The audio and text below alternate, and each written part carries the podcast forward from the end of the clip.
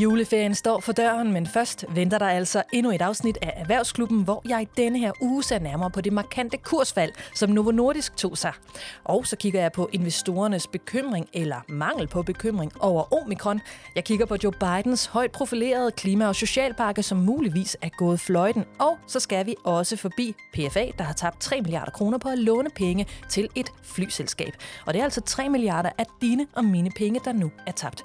Jeg hedder Anne-Marie Lindholm. Velkommen til.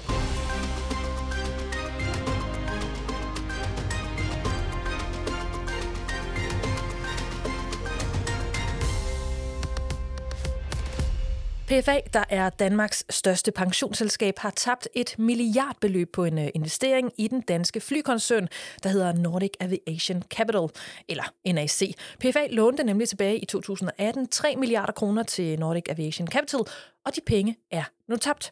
Med mig har jeg Jens Bertelsen, der er erhvervsredaktør på Avisen Danmark. Hej Jens. Hej. Hvad er det, der er gået galt her, var?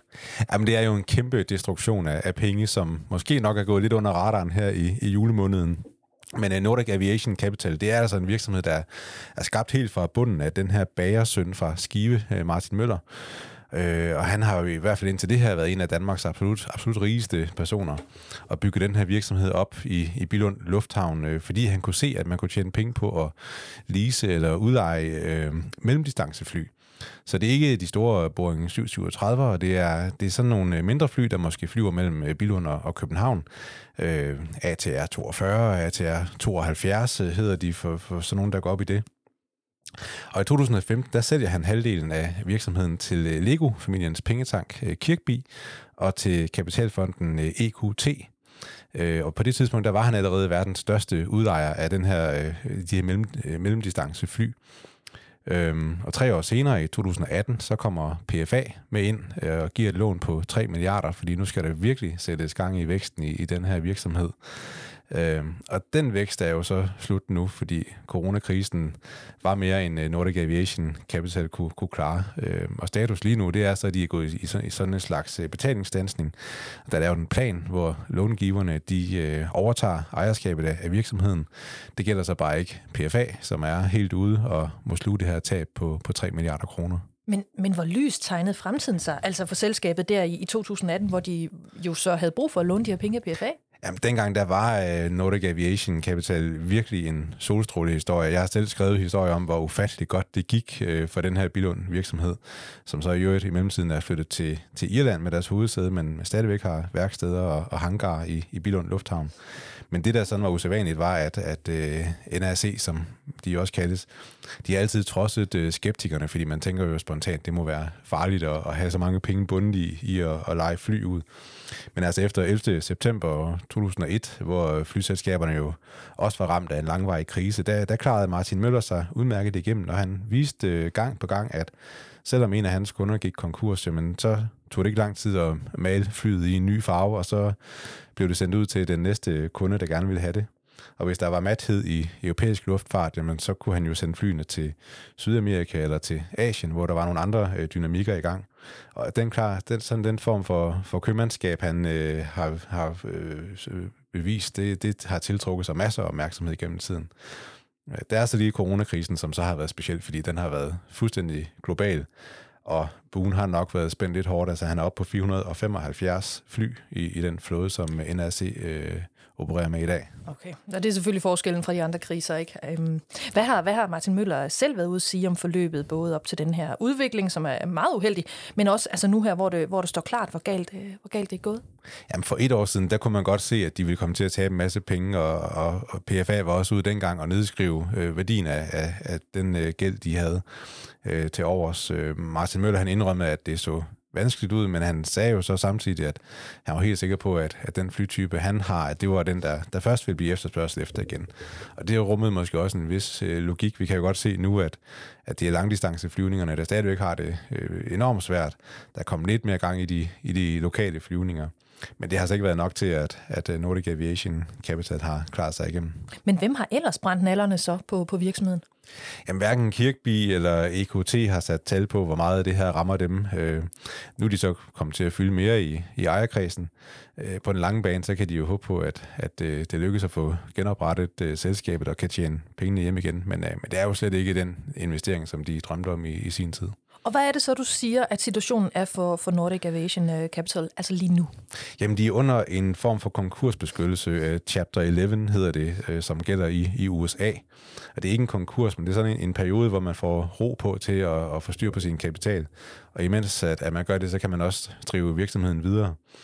Øh, og det ser så på papiret ud til at, at kunne lykkes. Der skal tilføres ny kapital på lidt over 3,5 milliarder kroner. Øh, så det siger selvfølgelig lidt om den udfordring, de, de står med, men, øh, men øh, det, er der, det er der muligheder for. Og uanset, så er der ingen penge på noget tidspunkt, der, der lander i PFA's lommer? Nej. Nej, okay. Hvor stor en sag er det her så for PFA? Altså PFA skal jo få deres pensionskunders penge til at yngle, og det gør de jo især ved at investere i værdipapirer.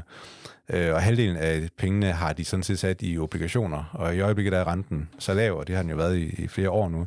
Så det er bare svært at skabe nogle gode afkast på det. Så, så derfor så går de ud og kigger på nogle alternative investeringer øh, uden for børserne, og sådan et lån på 3 milliarder til Nordic Aviation Capital, det, det så jo ud til at være et rigtig godt sted at, at placere pengene øh, dengang. Men øh, når så beløbet er tabt, jamen, det er jo lige, at der er en katastrofe. Øh, det er ikke noget, der ryster PFA øh, som du vil starte med at sige, så er de jo Danmarks største pensionsselskab. Øh, men det ser ikke kønt ud, og jeg vil lige ind og kigge, og det er ikke sådan noget, de selv skriver om som en nyhed på deres egen hjemmeside i hvert fald. det er ikke det, de sender med ud med nyhedsbrevet. men, men hvad betyder det for alle os, altså der, der er pensionskunder i PFA? Jamen, PFA har 1,3 millioner kunder, så altså i simpelt gennemsnit, så er det jo 2.300 kroner øh, hver især har tabt på det her flyeventyr. Øh, det er ikke sikkert, det er helt fair at gøre det op på den måde, men problemet er, at PFA i forvejen ligger lavt, øh, når man sammenligner afkast øh, fra de store pensionsselskaber herhjemme, så, så det er en dårlig nyhed for dem de glæder sig til over det slut. Nu er det bare kan blive 2022. ja.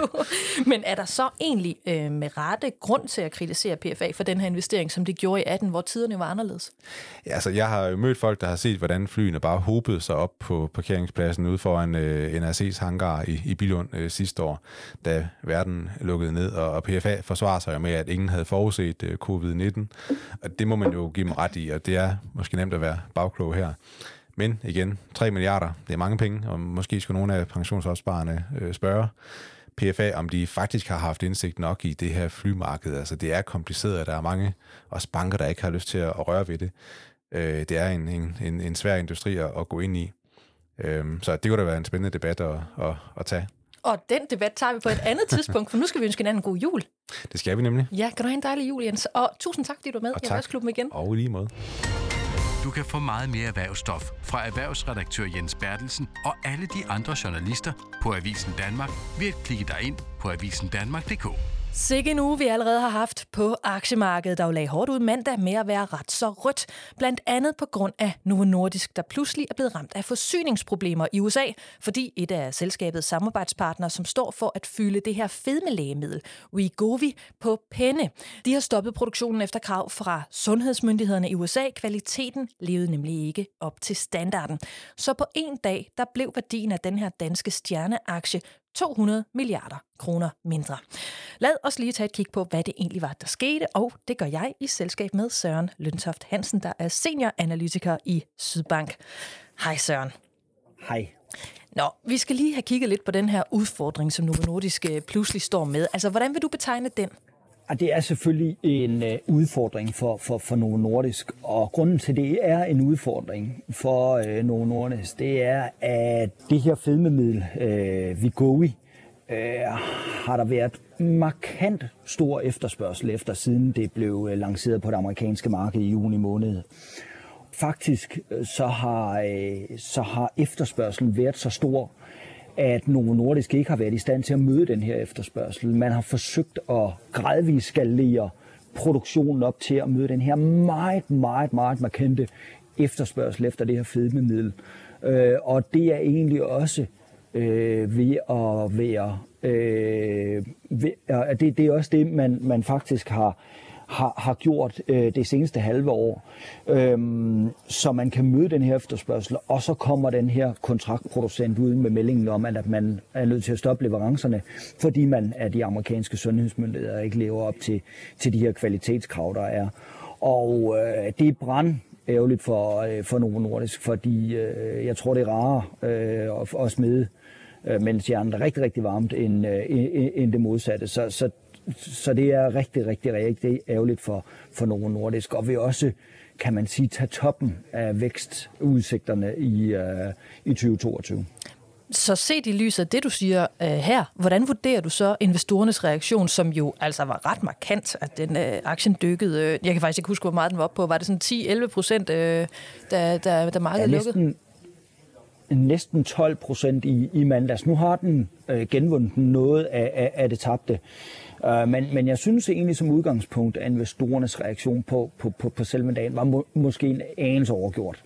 Øhm, og øh, det mener jeg, fordi fedmemarkedet har egentlig ikke ændret sig i forhold til i mandags, og potentialet for Vigoi og Novo Nordisk har ikke ændret sig siden i mandags. Det er rigtigt nok, at man måske ikke kan servicere øh, Øh, markedet på samme måde i første halvdel af 2021, som man måske havde håbet på.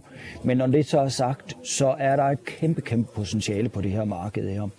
Øh, der er langt flere kraftige overvægtige med et BMI over, øh, over 30, end der er diabetikere på verdensplan. Øhm, og markedet er forsvindende lille for at komme med en sammenligning. Diabetesmarkedet, som Novo Nordisk historisk har opereret på, er på 600 milliarder kroner. Øh, fedmemarkedet, øh, som man øh, adresserer med Vigovi er på, på, på, øh, på små øh, 10 milliarder kroner. Så er en kæmpe forskel her.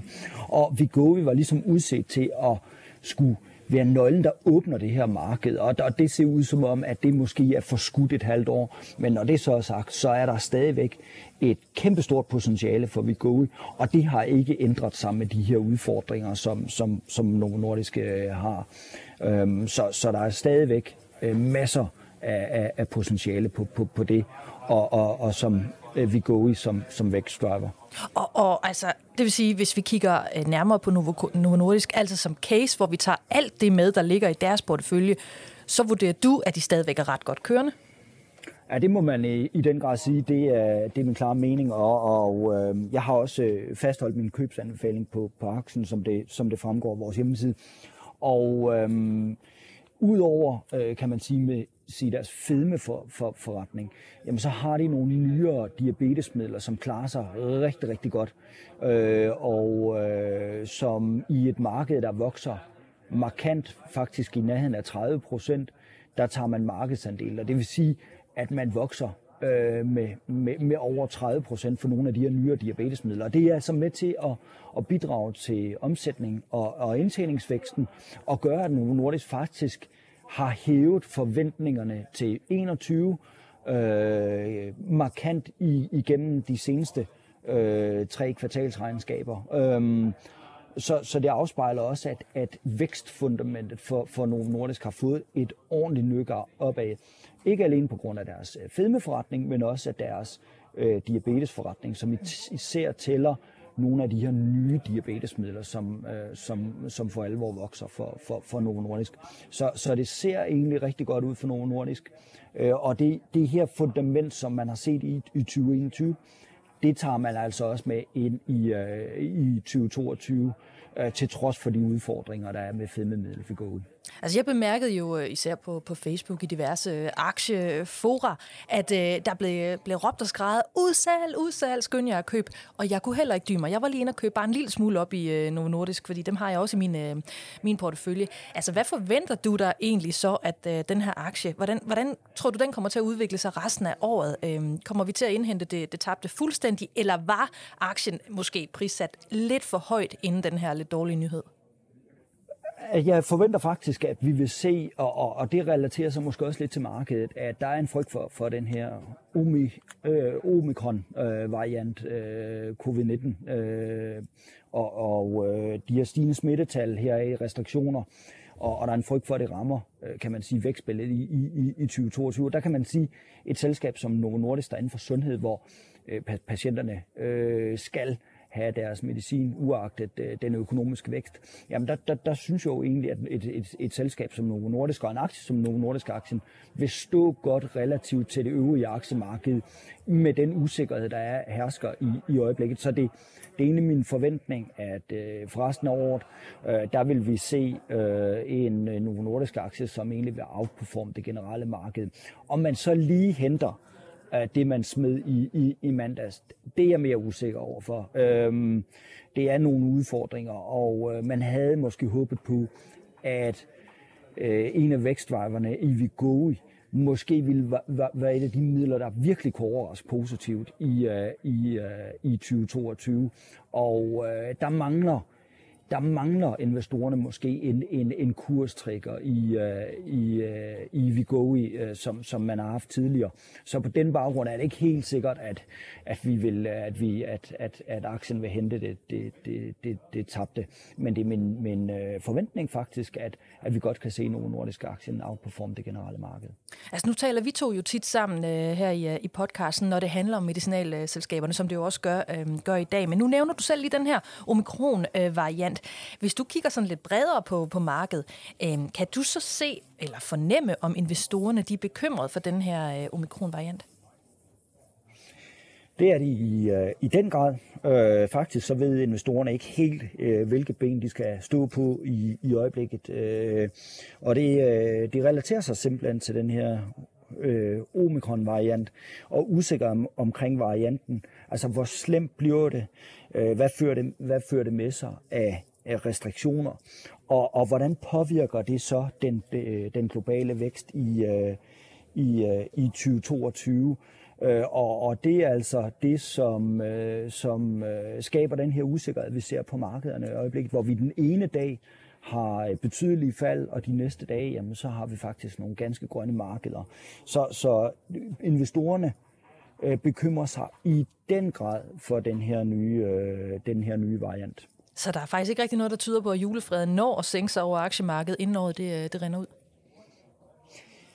Det tænker jeg faktisk ikke. Øh, altså, så skulle det være, fordi øh, WHO kommer ud de, de, de næste dage og, og siger, at omikron øh, ikke er specielt farlig, og det tænker jeg næppe, øh, de gør øh, snart tværtimod.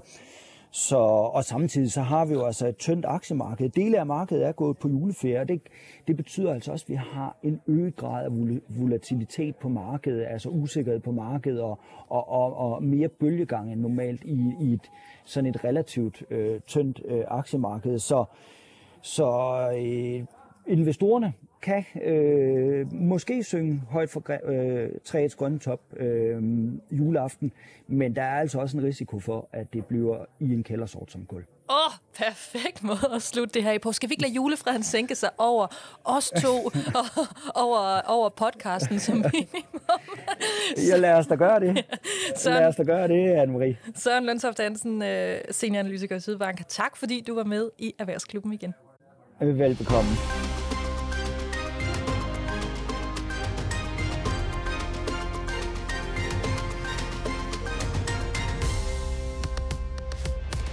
Søndag gav Joe Manchin, den øh, moderate demokratiske senator fra sydstaten West Virginia, i et interview med den pro-republikanske tv-station Fox News, dødstødet til Bidens reformpakke, der hedder Build Back Better. Den her udtalelse, den sendte chokbølger gennem Washington, og den har efterladt præsidenten noget vingeskudt, fordi den her øh, klima- og socialplan, den skulle have været Joe Bidens helt store præstation i hans tid som præsident. Men Joe Biden er altså ikke den eneste, der er ærgerlig. En lang række danske virksomheder stod nemlig også til at vinde på det her. Med mig har jeg Louis Funder, der er direktør i USA for Dansk Industri. Hej Louis. Goddag. Altså nu har det værste chok jo lagt sig. Øh, vil du ikke lige sætte et ord på, hvad var det egentlig, der gik galt? Øh, der er jo gået det galt, at det har været en, et stykke lovgivning, som virkelig har øh, kløvet USA i to. Øh, I hvert fald det politiske miljø, og det er blevet grundlæggende, lang forklaring kort, så betyder det, at der skulle samtlige øh, demokrater skulle stemme for den her pakke, fordi der ikke har været den eneste republikaner, der har haft lyst til at lægge stemme til. Øh, og den måde, som, som øh, senatet er skåret på lige nu, der har man behov for hver eneste lille stemme, der er, øh, hvis man vil have noget igennem fra sin egen blok. Og det er altså der, hvor at, at øh, efter lang tid frem og tilbage, så er vi nu der, hvor at det ikke ser ud til at kunne lade sig gøre igen, fordi at, øh, som du nævnte i din optakt, at, at Joe Manchin har valgt at sige, at det her det kan han ikke stemme for. Og i og med, at man ikke kan finde en eneste øh, republikaner, der vil stemme for den her øh, sociale og klimapolitiske lovgivning, jamen altså, så er den faldet til jorden. Men, men hvad er det for et forklaringsproblem, som Joe Manchin han mener, han står med, altså hvis han stemmer for? Altså, han, øh, han har jo i lang tid sagt, at han ikke har haft lyst til at stemme for, øh, øh for, øh, for, for den her lovgivning, fordi den har været for dyr. Øhm, og det er noget, der har stået klart i, i lang tid, kan man sige. Altså, den koster jo, øh, for nu jonglerer med de store tal, øh, 1.750 milliarder dollars. Øh, men den har faktisk været næsten tre gange så stor tidligere, og den er løbende blevet barberet ned, og det er blandt andet på, øh, på foranledning af, af, af Joe Manchin. Og, øh, men den er altså stadigvæk for stor, mener han, og jeg tror, noget af det, som meget har været hans forklaring, har jo øh, delvis været den her stigende inflation i USA, altså simpelthen, at tingene bliver dyre, og at det er det rigtige tidspunkt at smide, smide mere brænde ind i ovnen, så at sige. Øh, så det har været den ene forklaring. Den anden forklaring har været, at han har ikke brudt sig om. Han er jo en senator, som er, det kan godt være, at han er demokrat, men han, man kan sige, han er en højrefløjsdemokrat, så han, han har kaldt nogle af de her særligt socialpolitiske forslag, har han jo kaldt sådan noget, altså vi bevæger os mere mod sådan en forsørgerstat, som vi måske kender mere fra, fra, fra, fra Nordeuropa, og det har han heller ikke brugt sig om. Og til sidst, så, som også har været dækket meget, så er han jo fra en kulminestat, West Virginia, hvor øh, som, som, som udgangspunkt jo ikke står til at, at vinde på en stor klimapakke, øh, som der også lå i det her. Men, men hvorfor er det så, at det her det kommer bag på Joe Biden, altså at Joe Manchin han, han melder pas? Fordi det lyder jo til, at han har været ret bøvlet øh, gennem hele det her forløb. Ja, og det er jo også, jeg tror, det er jo nok noget af det, som der er mange, der spørger sig selv om hårdt lige nu, og nok også det, som der gør lidt ondt, fordi at øh, Joe, Joe Biden blev valgt på at være den her store dealmaker, der skulle kunne øh, modsat Trump-tiden og Obama-tiden, skulle kunne få partierne til at arbejde sammen igen. Og det er jo som sådan også lykkedes, da han fik vedtaget den her infrastrukturpakke for, for en halvanden måneds tid siden. Øhm, men her kan man sige, og, og han har jo haft et, han har et personligt forhold til Joe Manchin, og Joe Manchin har, har været har været hyppigt i det hvide hus, øh, og har været hjemme hos Joe Biden i Delaware osv. osv. Og, og, og der, der er masser af klip, hvor Joe Biden jo virker meget fortrøstningsfuld i forhold til, at du ved, det her det skal nok lande. Så, så nu er, du ved, det er ikke, det er ikke, jo, det er ikke helt forbi nu jo, men, men, men det er klart, det er noget af det, som klart er nogle riser i, i Joe Bidens renommé. Altså han ikke har kunne lykkes at få, ham, få en øh, sølle senator med øh, ombord på den her pakke. Så lad os lige, lad os lige lege, at, øh, at det glipper. Øh, hvad, hvad er det så, amerikanerne i første omgang kunne glippe af med den her pakke? Jamen altså, den står ligesom på to ben, pakken. Øh, det, der er den det socialpolitiske ben. Øh, det er jo en meget, meget stor pakke. Det er alt godt for havet, skulle Det er alt lige fra gratis børnehave til, til 3- og 4-årige børn. Øh, der, har, man har et loft over prisen på, på børnepasning. Man har noget med betalt barselsårlov. Mange ting, vi tager fuldstændig for givet i Danmark. Øh, man kan få skattefradrag for en børnefamilie og lavindkomstfamilie. Øh, og... Øh, og, og, og der, der er noget omkring øh, noget billigere øh, socialt øh, boligbyggeri øh, osv. osv. Så det er den sociale del, som i øvrigt er blevet øh, barberet markant ned i forhold til de forslag, der var. Men den anden del var, og det er klimadelen, det var jo, at det var den største klimapakke i USA's historie, som øh, som, som skulle øh, særligt have givet en række skattefradrag øh, til at investere i blandt andet i vedvarende energi og i øh, øh, muligheder for at energieffektivisere og i øvrigt elektrificere deres samfund. Så det, det, man kan sige, det er nogle af de ting, som, som man nu ikke får i pakken. Og, og hvad betyder det så for Joe Biden? Altså, der er alt muligt, der venter i de, i de kommende år, midtvejsvalg og, og alt det der. Altså, hvad, hvad får det så af konsekvenser, hvis vi igen leger med tanken om, at det her det, det ender med ikke at blive til noget? Jamen altså, øh, det kan jo få den konsekvens, at der ikke er noget, der bliver til noget. Fordi, at, øh, som du selv siger, så er der et midtvejsvalg om øh, ja, et lille års tid faktisk, og det betyder, at øh, kongressen ikke rigtig arbejder for, fra sommerferien øh, og på den anden side.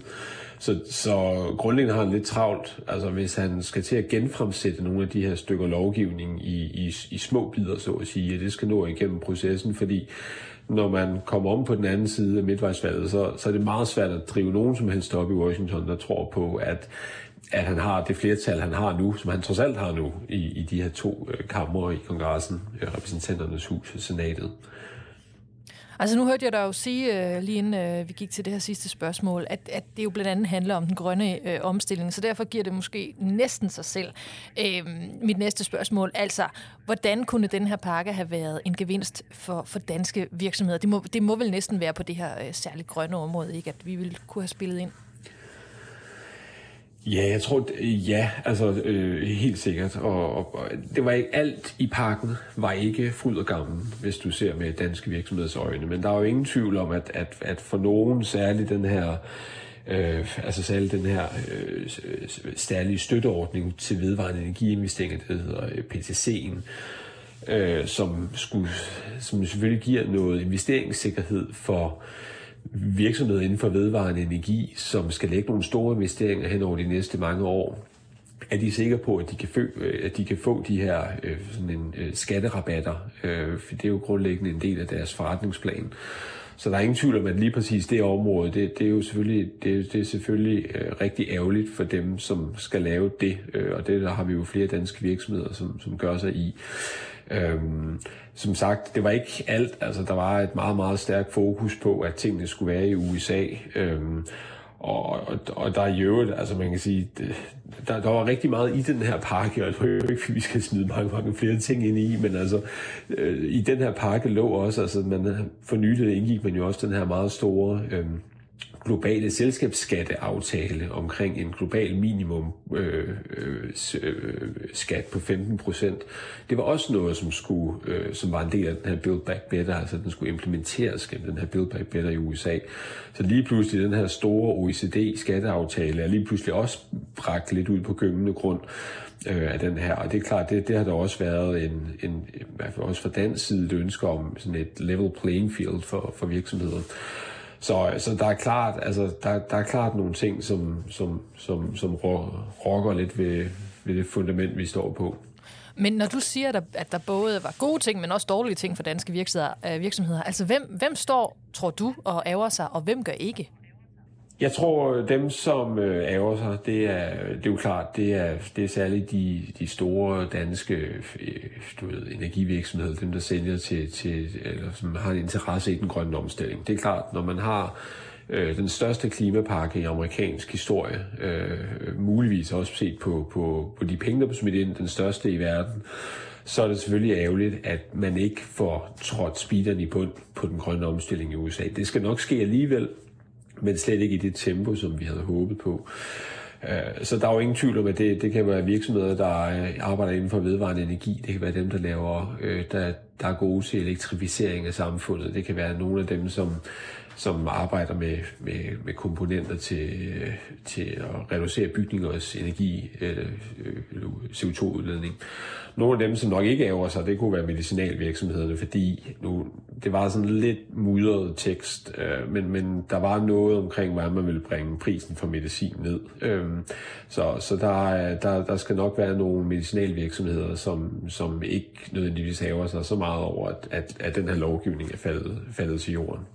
Og så kommer det gyldne spørgsmål her til sidst. Hvor det hele endt hen? Altså, er der lys for enden af tunnelen i forhold til, kan den her pakke alligevel ende med at blive stemt igennem? Altså, du ved, man skal aldrig sige aldrig. Og, øhm, det var en hel gardering, det der. Øh, jeg, han, jeg, jeg tror nu, altså alle har jo man vendt og drejet ved en stor, der er blevet sagt, og, øhm, og, og det, der, de fleste siger, at når han udtaler sig, en, en Joe eller Manchin, som jo normalt udtaler sig meget, du ved, øh, florumsbundet og diplomatisk, når han udtaler sig så kategorisk, så er det et udtryk for, at det her, det ikke bliver til noget. Og på den anden side, så, du ved, så var det hvide hus, de var ude at sige, nu, du ved, vi bider stadig fast, og vi satser på, at vi kan at vi kan, vi kan omgøre nogle ting. Øhm, så lad os nu se. Altså, han er øh, tidligere guvernør, øh, Joe Manchin, og kan jo godt lige indgå en aftale, så jeg, jeg vil ikke kalde den helt ude endnu, men jeg tror, der er i hvert fald ingen tvivl om, at hvis den bliver til noget, så bliver det en endnu mere nedkogt version, end det vi har set nu. Så vi er altså gået fra 6,5 trillioner i amerikansk forstand, og så er mit bud, vi skal, vi skal ned omkring 1, hvis det er det. Jeg kan høre, at der bliver noget at tale om, hvad det her angår til næste år også. Og apropos det, så vil jeg ønske dig en rigtig god juleferie, øh, når du kommer der til, Louis Funder, USA-direktør fra Dansk Industri. Tak fordi du var med i Erhvervsklubben. Det var så lidt. God jul. Erhvervsklubben er slut for i dag, og selvom jeg går på juleferie i dag, så venter der altså endnu et magisk, synes jeg selv, afsnit af Erhvervsklubben i næste uge, der udkommer allerede tirsdag, hvor jeg har samlet fem af de gode folk, der er med i den her podcast, ofte til en snak om året, der er gået. Og det kan du sagtens glæde dig til. Kan du nu have en god jul? Jeg hedder Anne-Marie Lindholm. Vi høres ved.